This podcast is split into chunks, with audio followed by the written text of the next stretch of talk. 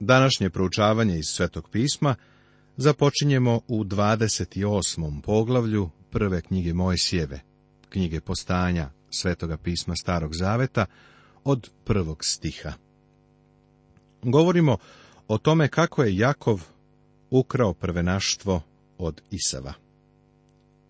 To prvenaštvo je inače već bilo njegovo.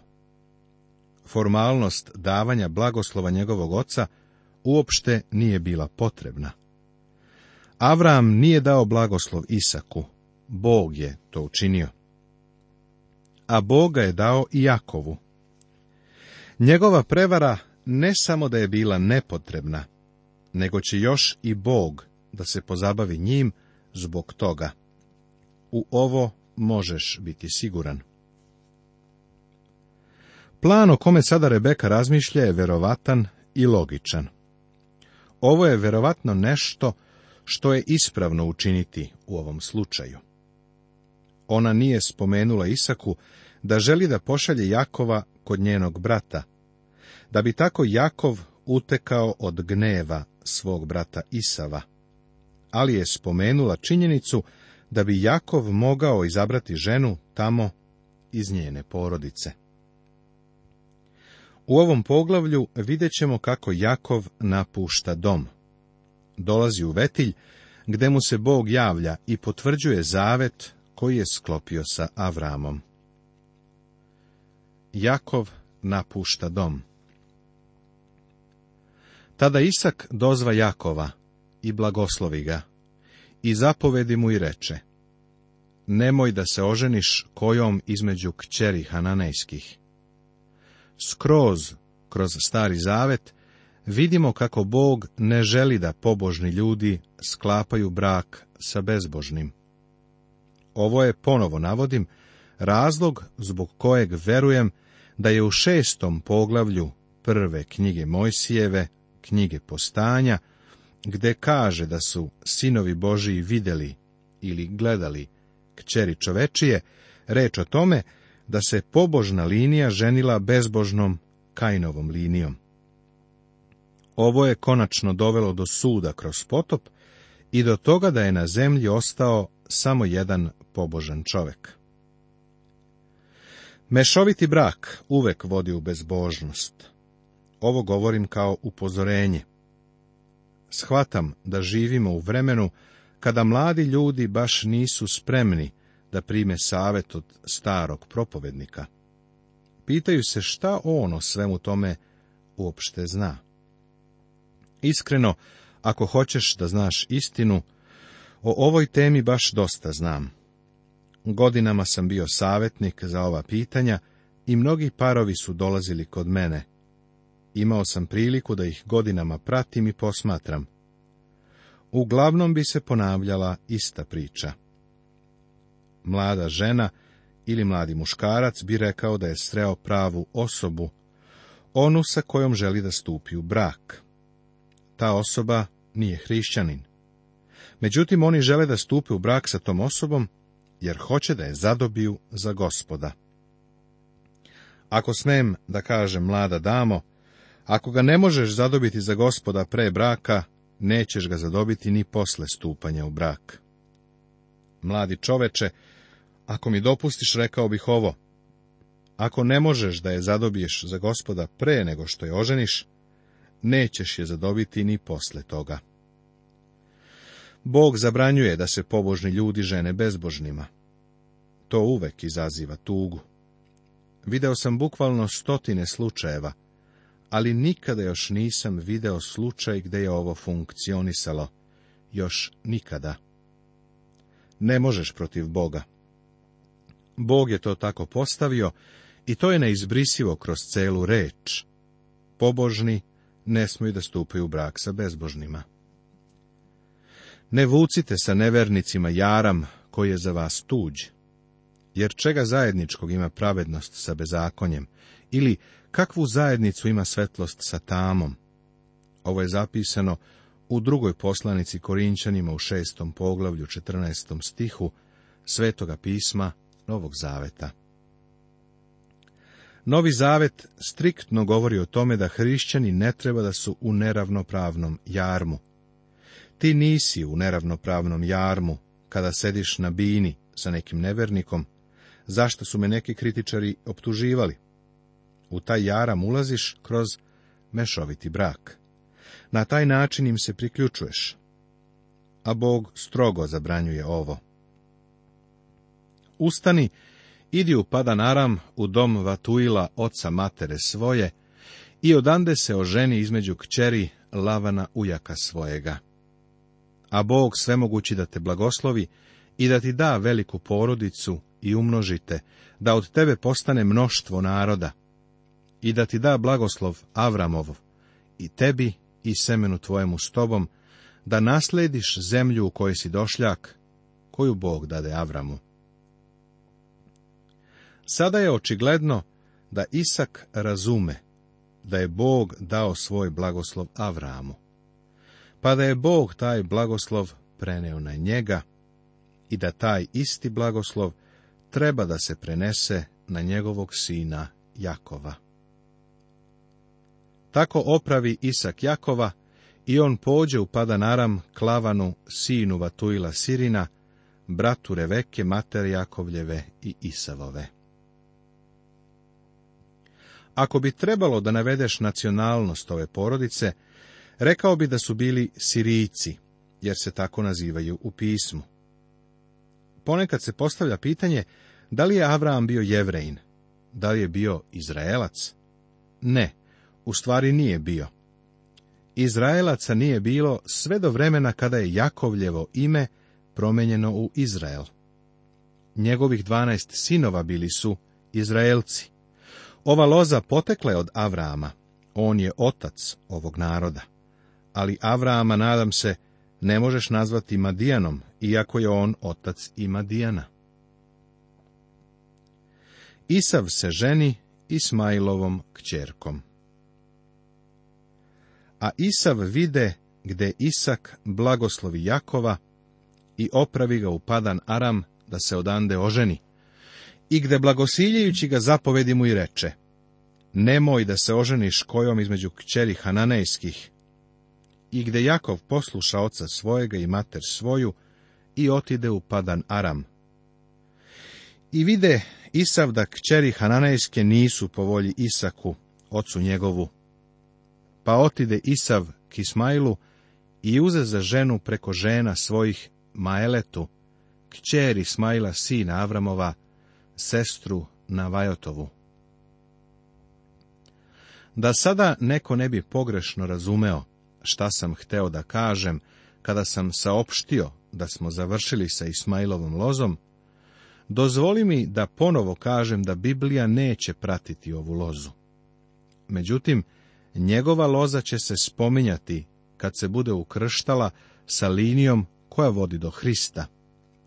Tako ovde Isav ide i ženi Ismailovu kćer.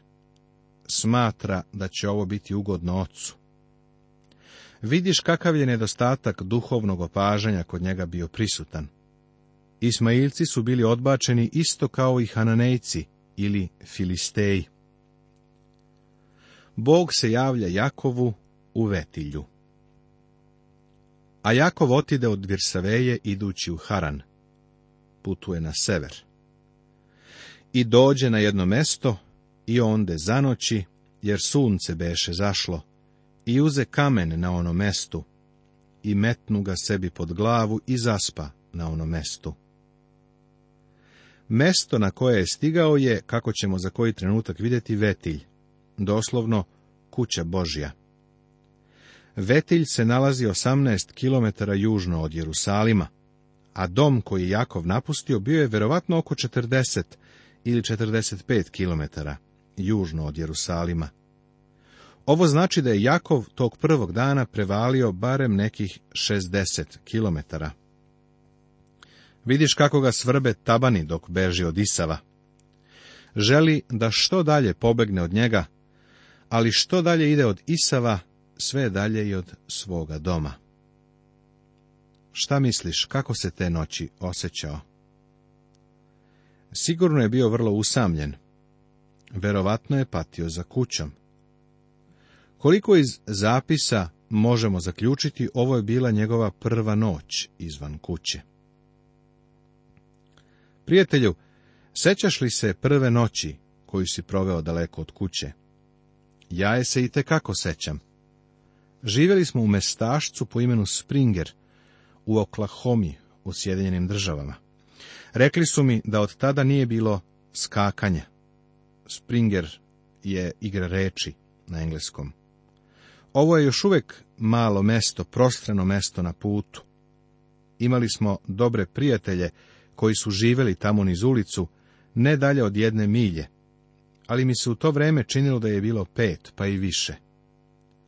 Ponovo sam tamo išao i zaprepastio sam se kada sam video kako je sad sve blizu kada sam bio mali, mislio sam da je sve bilo prilično raštrkano. I tako, ti ljudi su me pozvali da dođem i prespavam kod njih. Imali su sina moga uzrasta.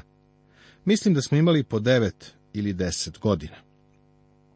On je došao da me odvede, pa smo zajedno otišli dole do njegove kuće. Nikada neću zaboraviti to iskustvo. Imali smo ukusnu večeru, pravu seosku, i te večeri sam baš uživao sa tim ljudima. Zatim smo se igrali žmurke sve dok nije pao mrak, što me je bilo sasvim zaokupilo. Ali s vremena na vreme pogledao bih u mrak i postao nostalgičan. A onda je neko rekao da je vreme da se ide na spavanje. Stavili su ležaj u prednju sobu. Obukao sam noćnu košulju koju sam doneo pod rukom i legao na taj ležaj. Prijatelju, nikada u životu nisam bio tako usamljen. Tako mi je nedostajao moj dom, kako sam samo želeo da idem kući. Dugo sam se prevrtao i okretao, konačno sam zadremao i jedno vreme spavao, ali sam se veoma rano ujutro probudio. Znaš li šta sam uradio? Skinuo sam moju noćnu košulju, obukao odeću, stavio noćnu košulju pod mišku i otrčao kući. Nisam stao, sve dok nisam stigao. Još niko nije bio budan, ali sam ja bio srećan što sam kod kuće. Prva noć izvan kuće. Posle toga otišao sam daleko od kuće, ali nikada veću nostalgiju nisam osjećao kao te prve noći. Često sam se pitao i čudio u vezi sa Jakovom. On je u stvari sada čovek, veliki momak, ali mi se čini kao da je čeznuo za svojim domom. Prvi put je odvojen od Rebeke. Celog svog života bio je vezan za suknju svoje mame, a sada je, eto, odvezan. Napolju je, sam, i ovo je njegova prva noć izvan kuće. Zapazi šta se dešava. Leži i kamenje stavlja umjesto jastuka. Vetilje, turobno mesto opisan je kao pusto mesto, vresište, sa velikim golim stenama. Nalazi se 300 metara iznad površine mora, u brdima. U kalifornijskoj pustinji mnogo je mesta koja su mu slična. Jednom prilikom sam putovao turističkim autobusom i bio sam blizu Vetilja. Drugi su željeli da idu na druga mesta, koja meni ni približno nisu bila važna kao Vetilj dovezli smo se na nekih pola milja od tog mesta i ja sam želeo da tamo otpešačim, ali mi je vozač rekao da nemamo vremena za to. Video sam ga iz daljine. Topografski je izgledao turobno i odbojno. Ipak, to je bila visoka tačka Jakovljevog duhovnog života, ne samo u ovo vreme, nego i kasnije u njegovom životu. Tako, ovo je mesto na koje je stigao i tu je legao da spava. I usni, a to lestve stahu na zemlji i vrhom ticahu u nebo. I gle, anđeli Boži po njima se penjahu i slažahu. Bog potvrđuje Avramov zavet. I gle, na vrhu staše gospodi reče, ja sam gospod Bog Avrama, oca tvojega, i Bog Isakov, tu zemlju na kojoj spavaš, tebi ću dati i semenu tvojemu. Baš u toj istoj oblasti Bog se prvi put javio Avramu, nakon što je stigao u Palestinu. I semena će tvojega biti kao praha na zemlji, te ćeš se raširiti na zapad i na istok i na sever i na jug, i svi narodi na zemlji blagoslovit će se u tebi i u semenu tvojem. Sada Bog Jakovu daje tačno ono što je prvo dao Avramu. To je ponovio Isaku, a sada Jakovu potvrđuje da će to učiniti. I evo, ja sam s tobom i čuvat ću te kuda god pođeš i dovešću te natrag u ovu zemlju, jer te neću ostaviti dokle god ne učinim što ti rekoh. Vidiš kako je ovo bilo utešno i korisno za usamljenog mladića koji čezne za svojom kućom, koju stvarno u žurbi mora da napusti. Na putu je za daleku zemlju. I te prve noći Bog mu kaže, Biću sa tobom, Jakove, i ponovo ću te vratiti u ovu zemlju. Vizija koju mu je Bog u snu dao, bile su merdevine koje dosežu do neba. Šta znače te merdevine?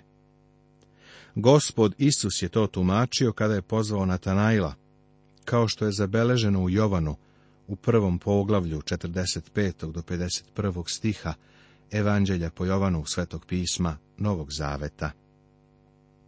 Uzgred da kažem, Natanailo je bio mudrijaš i kada je čuo za Isusa rekao je, može li išta dobro doći iz Nazareta?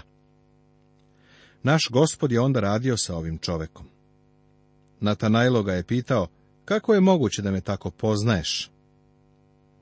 A Isus je odgovorio, pre nego što te je Filip pozvao, dok si sedeo pod drvetom smokve, ja sam te video. Natanajlo je zatim uzvratio, Ravi, ti si sin Boži, ti si car Izraeljev. Bilo ga je dosta lako ubediti, iako je na početku bio skeptik. Da navedem ovde tačan citat. Odgovori Isus i reče mu. Veruješ li zato što sam ti rekao da te videh pod smokvom? Videćeš i veće od ovoga. I reče mu, zaista, zaista kažem vam, videćete otvoreno nebo i anđele Božije kako se penju i silaze na sina čovečijeg. Evanđelje po Jovanu, prvo poglavlje 50. i 51. stih, Svetoga pisma Novog Zaveta. Šta su one lestve? Te lestve su Hristos. Anđeli su se peli i silazili na sina čovečijeg. Anđeli su mu služili. Bili su podređeni njegovoj zapovesti. Sa vrha tih lestvi Natanajlo će čuti božji glas. Ovo je sin moj ljubljeni, koji je po mojoj volji. Prijatelju, u naše vreme Bog ljudima govori kroz Hrista. Ocu ne možemo direktno doći. S vremena na vreme čujem kako neko u svedočanstvu kaže, kada sam se obratio, došao sam direktno Bogu. Imam pristup Bogu. Nemamo, prijatelju, dolazimo kroz Hrista. Kroz Hrista imamo pristup Bogu. To je jedini način na koji možemo doći u Božju prisutnost. Gospod Isus je rekao, ja sam put i istina i život, niko ne dolazi k ocu sem kroz mene. Sam gospod Isus Hristos predstavlja te lestve. Ne lestve po kojima se penjemo, nego one u koje se možemo pouzdati. Ova istina je prvo data Jakovu, otimaču. Natanajlo je gospod rekao, ti si Izraelac u kome nema prevare što znači nisi Jakov. Natanajlo je bio mudrijaš, šalio se, ali nije varao kao Jakov. Ali ovaj čovek, Jakov, Bog će tek raditi sa njim. Bog mu je dao ovo divno, slavno obećanje, ali Jakov ima još mnogo da uči. Zar ovo ne važi za sve nas danas? Nije čudo što Bog mora da nas uči nije čudo što mora da nas vaspitava. On kažnjava svakog sina kojega prima, on disciplinuje. Činio je to sa Avramom i sa Isakom. Činit će to i sa Jakovom. Sve do sada, sve išlo na Jakovljev način. Dobio sam pismo od jednog bračnog para, koji je jedne noći iznenada izgubio dvogodišnjeg sina. Sve do tog momenta sve je išlo na njihov način, kako su oni hteli. Bili su članovi crkve, ali su bili licemeri. Tako mnogo ljudi su samo članovi crkve, ali lično ne poznaju gospoda. Gospod treba da nas prodrma, on dopušta da dođu nevolje koje nas vaspitavaju. Te nevolje učvršćuju našu kičmu, unose hrabrost u naš život i osposobljavaju nas da stojimo za Boga. Pred Jakovom je bio dug put. Zapazi šta on dalje čini. A kad se Jakov probudi od sna reče, Zacelo je gospod na ovom mestu, a ja ne znah.